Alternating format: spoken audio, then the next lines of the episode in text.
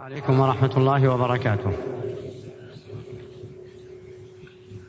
الحمد لله الهادي إلى صراطه المستقيم. والصلاة والسلام على النبي الكريم الذي أرسله الله ليخرج الناس من الظلمات إلى النور.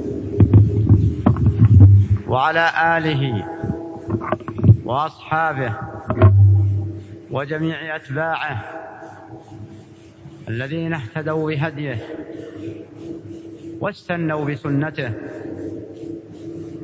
وتتبعوا أعماله وأقواله فعملوا بها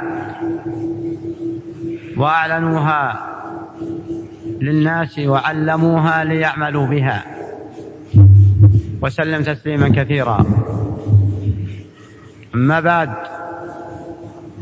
فأسأل الله سبحانه وتعالى العلي القدير أن يوفقني وإياكم وجميع المسلمين في مشارق الأرض ومغاربها للعمل الصالح والعمل المتقبل. وإذا كان التوفيق للعمل الصالح هو هدف كل من قال لا إله إلا الله محمد رسول الله هو مناط قلبه هو ما يستهدفه فلا بد وأن يتعلم أن يتعلم كيف يعمل. فالعمل الصالح مبني على العلم. فالعلم ينفع معه العمل القليل والكثير. وأما الجهل فلا ينفع معه عمل لا قليل ولا كثير. وإذا عرفنا هذه القاعدة فإنها تدفع المسلم إلى أن يتعلم. لكي يعمل. ولكي يقبل عمله. ولنا. ولنا برسول الله الأسوة الحسنة. فإنه إمام المتقين. إمام المعلمين. ختم الله به. ختم الله به وبرسالته. رسالة النبي رسالة. رسالة المرسلين.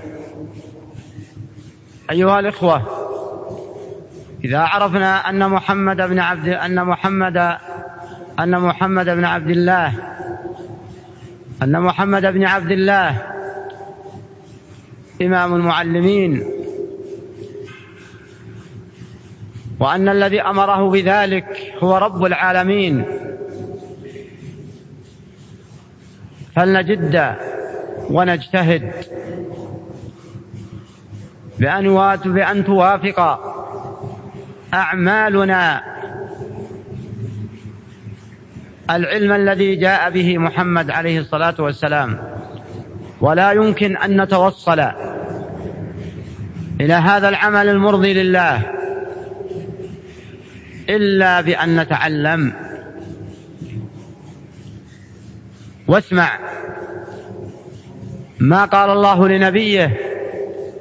فاعلم أنه لا إله إلا الله واستغفر لذنبك. فبدأ بالعلم قبل القول والعمل. ولنتأمل أول آية أنزلت عليه. تعلمه بما لا يبدأ به.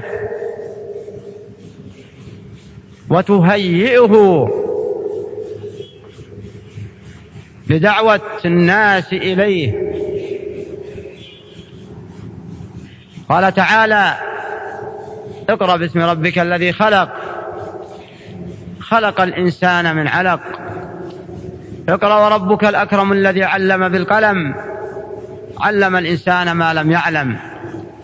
هذه الآية أول آية أنزلت على محمد عليه الصلاة والسلام.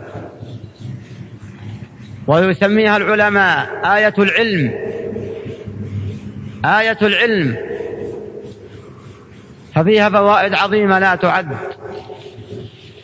ولكن ذكر أو استنبط منها بعض العلماء ما يزيد على العشرين من الفوائد التي لا يستغنى عنها. استنبطها الإمام الداعية إلى ما دعا إليه رسول الله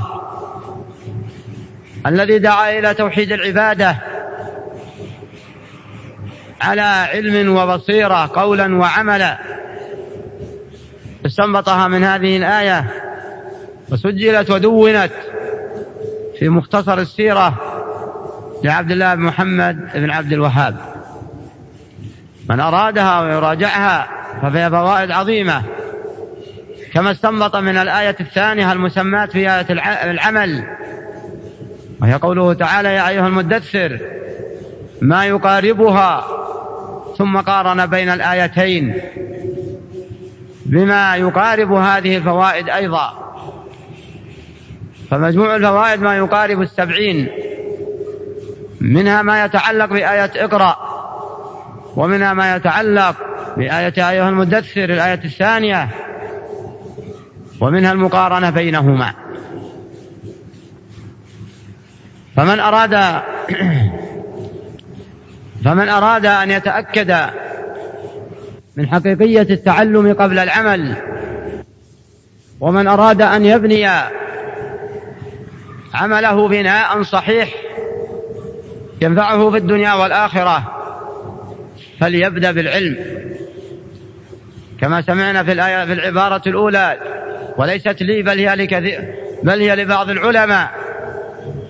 الذي وصى ابنه قال تعلم عليك بالعلم فإن مع العلم ينفع العمل القليل والكثير. وعدم العلم والجهل لا ينفع معه عمل لا قليل ولا كثير. مما استنبط من قوله تعالى اقرأ باسم ربك الذي خلق خلق الإنسان من علق اقرأ وربك الأكرم الذي علم بالقلم علم الإنسان ما لم يعلم. استنبط وجوب التعلم اولا. لأن الرسول عليه الصلاة والسلام قال ذلك لم يكن عنده علم. ولكن جبلها الله على الأمن على أن ولهذا سمي الكفار أمين. وأنه لم يسجد لوثن ولم يفعل جريمة. تهيئا للنبوة.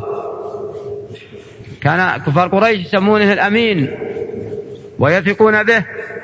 حتى إنهم لما تشاجروا من أربع أربع القبائل على الحجر من يضع في مكانه حين من هدت الكعبة.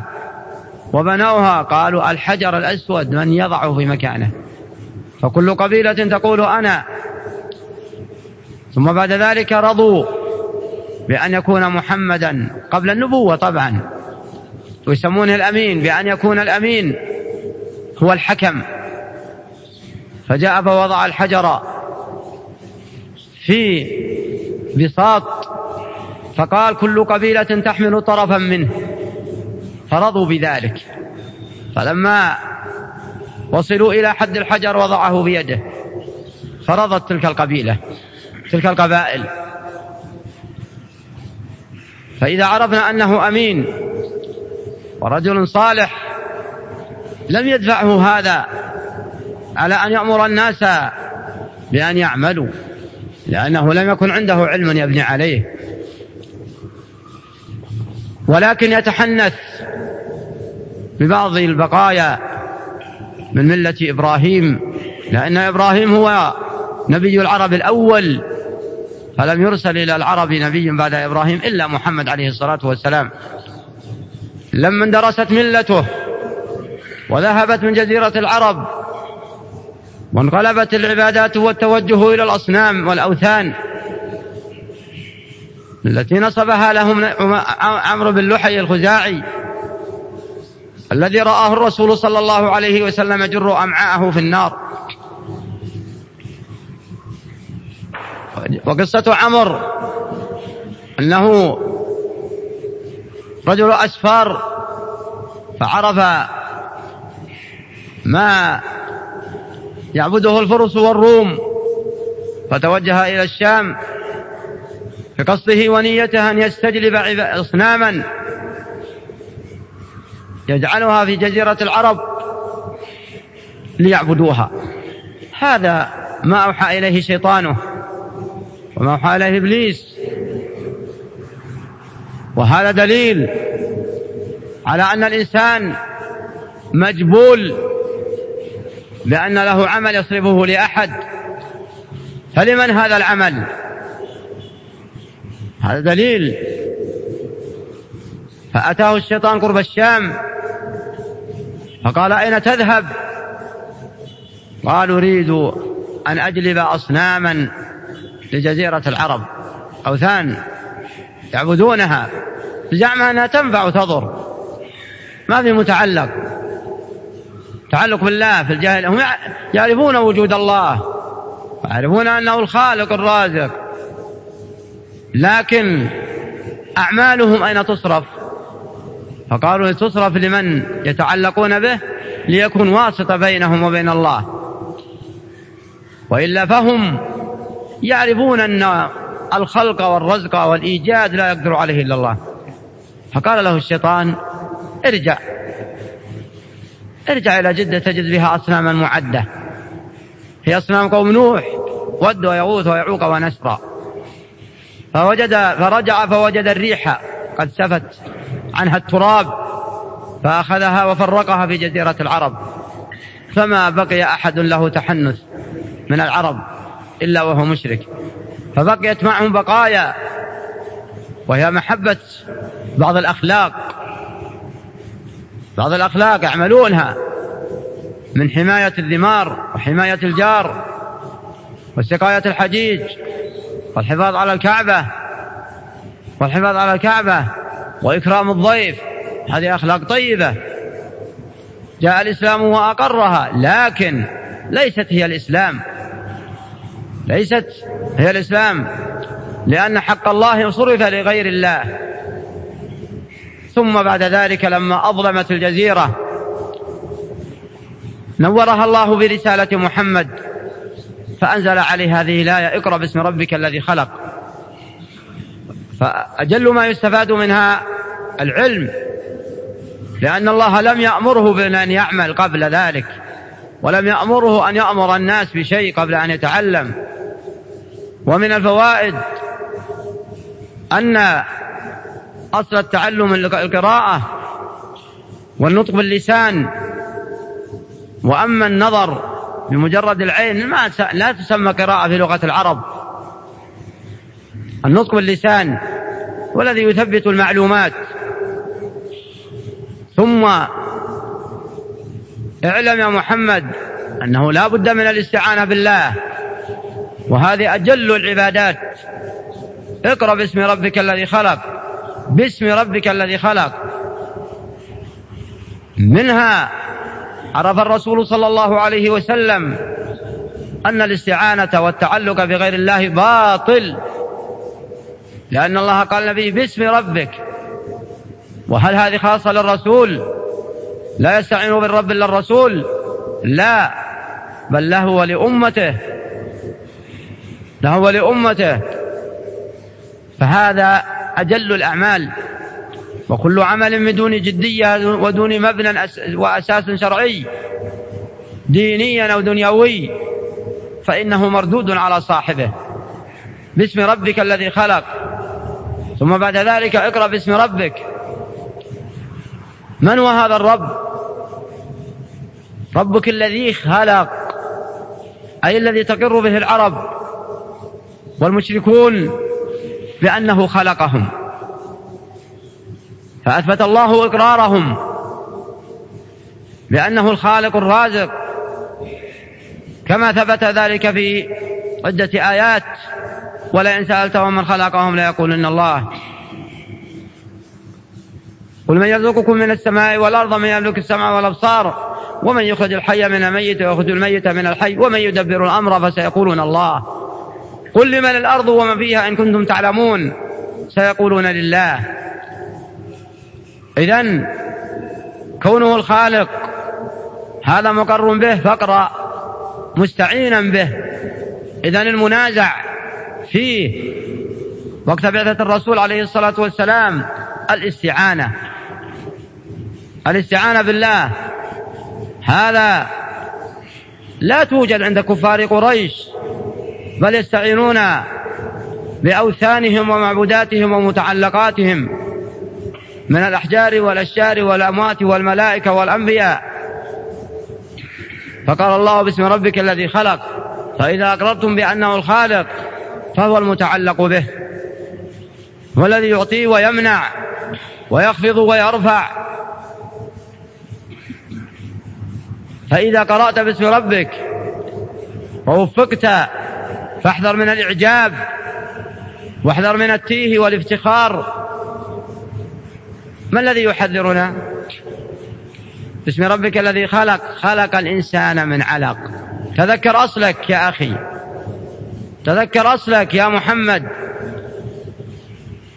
فإذا كان هذا أمر من الله لنبيه فإنه لا فإنه لأمته الأولين والآخرين إلى أن تقوم الساعة من باب أولى وأحرى. أن يتذكر المسلم أصله وأنه من دم. أصله دم علق. أولا بين الصلب والترائب ثم صار علقة دم. ثم مضغة. علقة ثم نطفة ثم مضغة. وهكذا يتطور حتى يكون له عقل. يعرف الصحيح من السقيم. والصالح من الطالح. فإذا كبرت عقليته صرف حق خالقه لغيره. هذا المنكر وهذا العمل الباطل. خلق من الذي خلق خلق الإنسان من علق. اقرأ وربك الأكرم. أكرم من جميع خلقه. الذي علم بالقلم علم الإنسان ما لم يعلم. هكذا العلم. إذا طلب العلم أولا. قال تعالى والله أخرجكم من بطون أمهاتكم لا تعلمون شيئا وجعل لكم السمع والأبصار والأفئدة لعلكم تشكرون. هذه وسائل التعلم. السمع والبصر والعقل الأفئدة لعلكم تشكرون. أن جعل لكم هذه الوسائل فاصرفوها في طاعة الله. والآيات والأحاديث في فضل العلم الصحيح الذي تميز به العمل الصالح من العمل القبيح كثيرة جدا. وإنما المقصود هنا يا أخوان التنبيه. ودائما المسلم الصحيح دائما المسلم طالب الحق مجرد ما ينبه فإنه يحرص على التماس ما نبه له.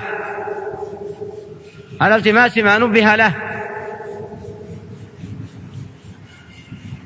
ولهذا لو نودي الإنسان بصوت غريب عرف أنه سيطلب لأن ينبه أصغى سمعه وعقله وفكره. لو نبه قائد السيارة بالمنبه. عرف أن هناك أمر يحتاج أن يتنبه له أو أن هناك خطر يحتاج أن يتنبه له. وإذا سمع الأذان عرف أنه إعلان لدخول الوقت. فالآلات إذا تكاملت لزمك أن تؤدي حقها وبذلك شكرت الله كما قال لعلكم تشكرون فتصرفوا هذه الآلات إلى ما يرضي الله. والذي يرضي الله العمل بعد العلم وإذا حصل علم من دون عمل فإن الخسران حاصل عليك. وهكذا العمل بجهل من دون علم أو بدافع العاطفة أو بدافع التغرض الشخصي أو بدافع المعاندة أو بدافع الغضب على مسؤولك إن كنت موظفا. أو على جارك أو على أحد أقربائك ولم يكن عملك على أساس علم فإنه لا ينفعك وخالفت علمك. ولهذا وصف العمل الذي ينفع بالعمل الصالح. فكل ما جاء في القرآن تجده غالبا يوصف بالعمل الصالح. ومن أجل الأعمال الصالحة بعد العلم التواصي بالحق فيما بين المسلمين الذين علموا بلا إله إلا الله وعرفوا معناها وعملوا بمقتضاها وأحبوها وأخلصوا فيها وصدقوا وانقادوا لمعانيها وانقادوا لمعانيها وبرأوا مما برئت منه وهو كبرهم بما يعبد من دون الله لأن كلمة لا إله إلا الله هي كلمة لا إله إلا الله هي الكلمة التي جمعت زمام الخير كله. فهي تنبيه على ما يترك وتنبيه على ما يفعل. فكلمة لا إله تحملك على اجتناب كل ما نهيت عنه. لأن غالبا الإنسان إذا عمل عملا فهو يتأله به أن يتحبب. فعملك بين أمرين إما أن تتأله به الله وإما أن تتأله به الشيطان. وأعوانه. فإذا كان عندك العلم فعملك جدي فتعلم أن فعل ما نهى الله عنه من التأله للشيطان. كبر أو صغر وإذا فعلت وإذا تركت ما أمرك الله به. تركت بعض المأمورات. من صلاة وزكاة وصيام وحج وبر والدين وصلة أرحام و والبيع الصحيح وتركت البيع الصحيح وعدلت إلى البيع السقيم من ربا وغش وخيانة ونحو ذلك. وركب كل رأسه. فالوالد لا يرعى أولاده بمصالحهم أولاده بمصالحهم. والأولاد لا, يرى لا يرعون حق الأبوة. لا يرعون حق الأبوة. لا يبالون ولا يفعلون معه حتى يفعل حتى ما يفعل الجار. فليتك إذ لم ترى حق أبوة فعلت كما الجار المجاور يفعل. وإذا صارت القطيعة الأرحام بدل بدل الصلة والإحسان إلى الجيران بدل الصلة فهذا تؤله غير الله وأصبح العمل غير جدي وغير نافع. أما إذا تمسك الإنسان بكلمة لا إله إلا الله ففعل ما يؤمر به وترك ما نهي عنه فقد جمع بين جزئي لا إله إلا الله. لأن إن أراد يترك المأمور. تذكر إلا الله. فكل فعل مأمور يدخل تحت إلا الله.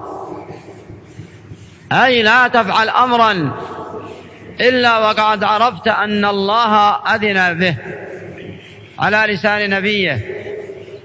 سواء عرفته مباشرة أو من طريق العلماء. وإذا راودتك نفسك وشيطانك على فعل محرم أو على ترك مأمور تذكر لا إله. فإذا تركت المأمور فلك متعلق ومتأله غير الله. وإذا فعلت المنهيات من شرك أو توسل بالأموات أو تعلق بالأحياء بما لا بما لا يقدر عليه إلا الله فتذكر لا إله. فقل عجيب كيف أنطق بلا إله؟ ثم أذهب خالفها. إذا لي متألة. لأن الإله هو المحبوب في غاية الحب. في غاية الحب. فتفسيرها الصحيح. الجامع المانع. لا إله لا معبود بحق إلا الله. وأما من فسرها بغير ذلك ففيه نقص على اختلاف أنواعه. هناك من فسرها بلا لا خالق إلا الله. هذا غلط. ليس تفسيرها الذي أرادها الله من أمر رسوله بأن يقوم بها ويقول أيها الناس قولوا لا إله إلا الله. لأن الذي قال الرسول لأن الذي قال الرسول عليه الصلاة والسلام لهم كفار قريش. قولوا لا إله إلا الله. يعلم أنهم يقرون بوجود الله وأنه الخالق. فلو كان كافي ما قال لهم قولوا لا إله إلا الله. لبدأ يعلمهم فروع الأحكام. لكن لا. دل على أن المقصود صرف القلوب. هكذا الأعمال الصحيحة يا أخوان. فجدوا واجتهدوا. ما دام الإنسان عنده نعمة هذا العقل ونعمة السمع والبصر وما دام في بلد آمن مطمئن ووسائل التعليم ولله الحمد مفتوحة لما يتعلق بالتوحيد ولما يتعلق بالفقه ولما يتعلق باللغة العربية. فإلى متى؟ واشكروا الله أننا في مجتمع ولله الحمد وجهتهم واحدة متعلقهم واحد لا إله إلا الله. رايتهم واحدة تحت قيادة واحدة. مصدقين لقوله تعالى آخذين بقوله تعالى واعتصموا بحبل الله جميعا ولا تفرقوا واذكروا نعمة الله عليكم. إذ كنتم أعداء فألف بين قلوبكم. هذه نزلت في الأوس والخزرج. لما غرهم اليهودي وبث بينهم زرع الأحقاد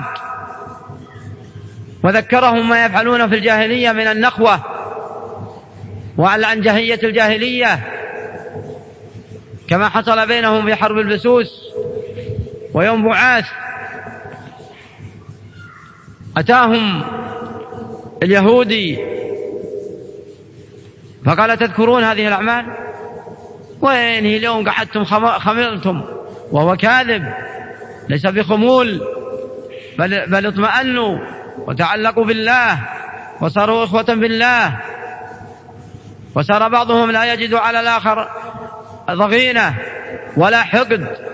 جمعتهم كلمة لا إله إلا الله تحت قيادة محمد عليه الصلاة والسلام. فكأن بعضهم حركته هذه الكلمات الشيطانية من هذا اليهودي فنعوذ بالله منهم ودسائسهم ومن خدمهم. فكل من جاء لمجتمعنا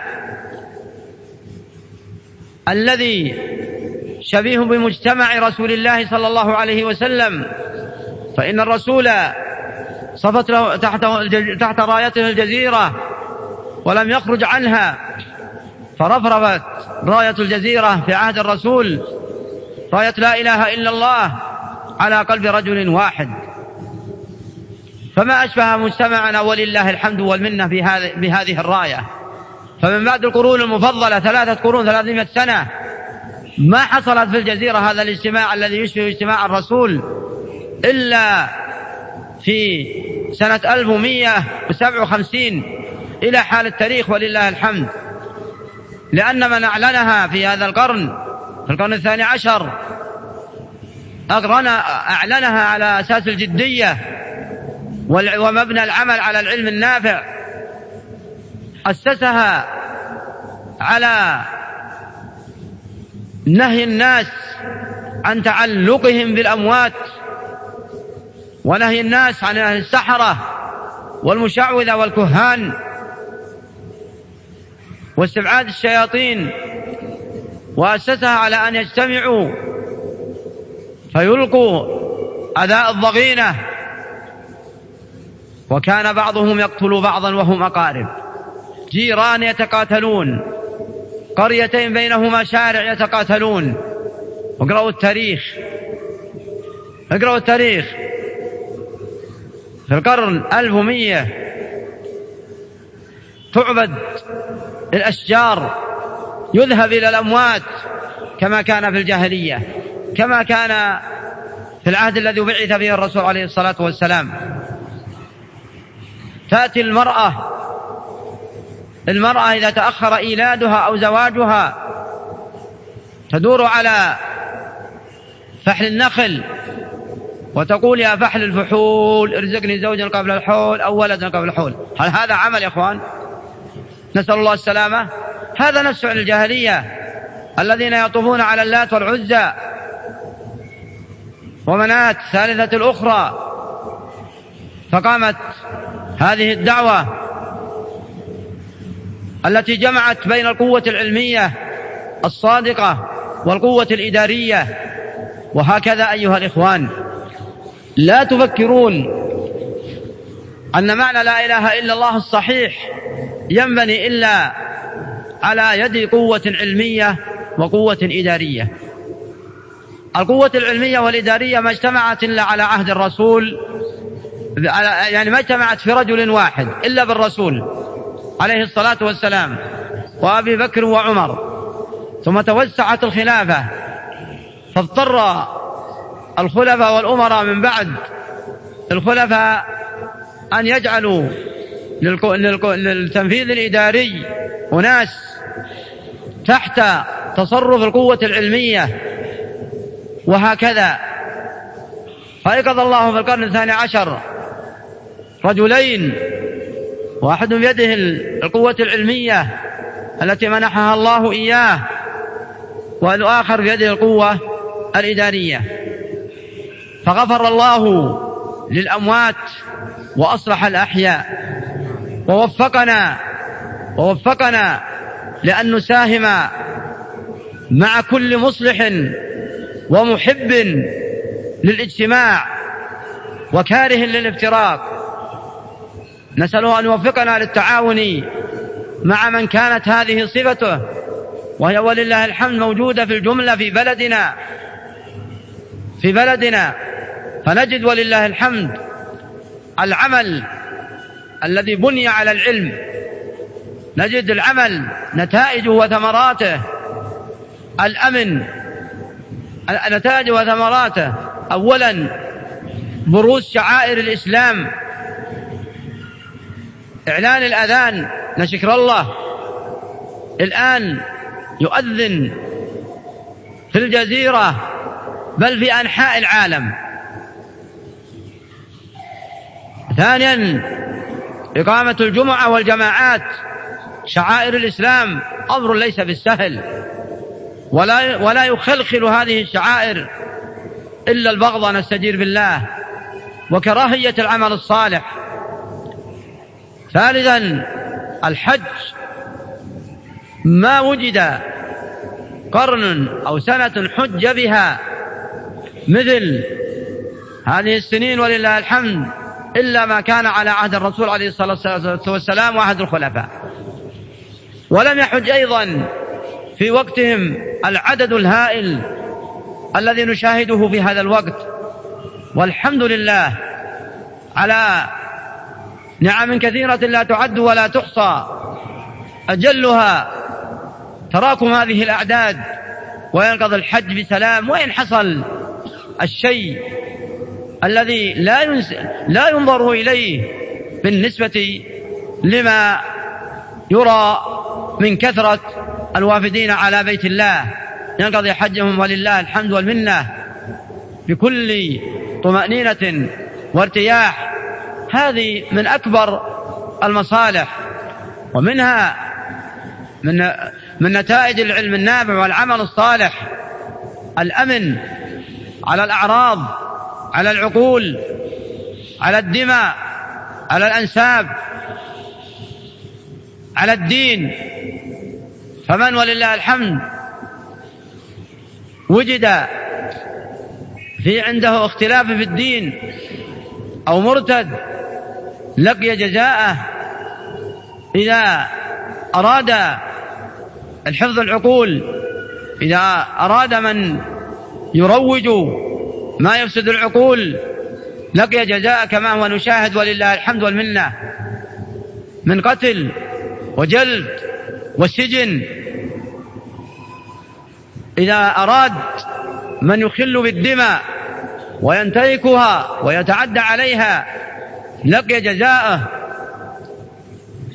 كل هذا نتائج العلم النافع والعمل الصالح إذا جمعها الله في آه، رجل أو في رجلين متكاتفين متعاونين.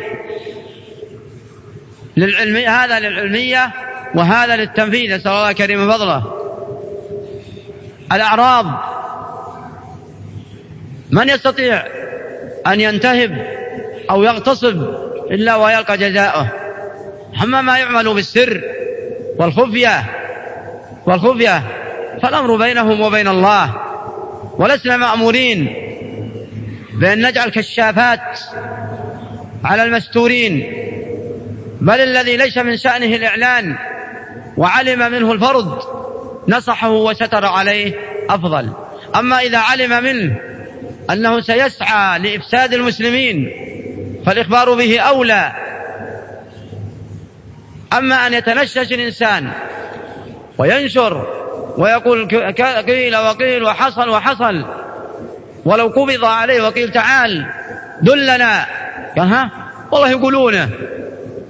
فهذا تصدق عليه قوله تعالى إن الذين يحبون أن تشيع الفاحشة الذين آمنوا لهم عذاب أليم في الدنيا والآخرة فلنحذر منها وليست من العمل الجدي وهكذا إذا سمع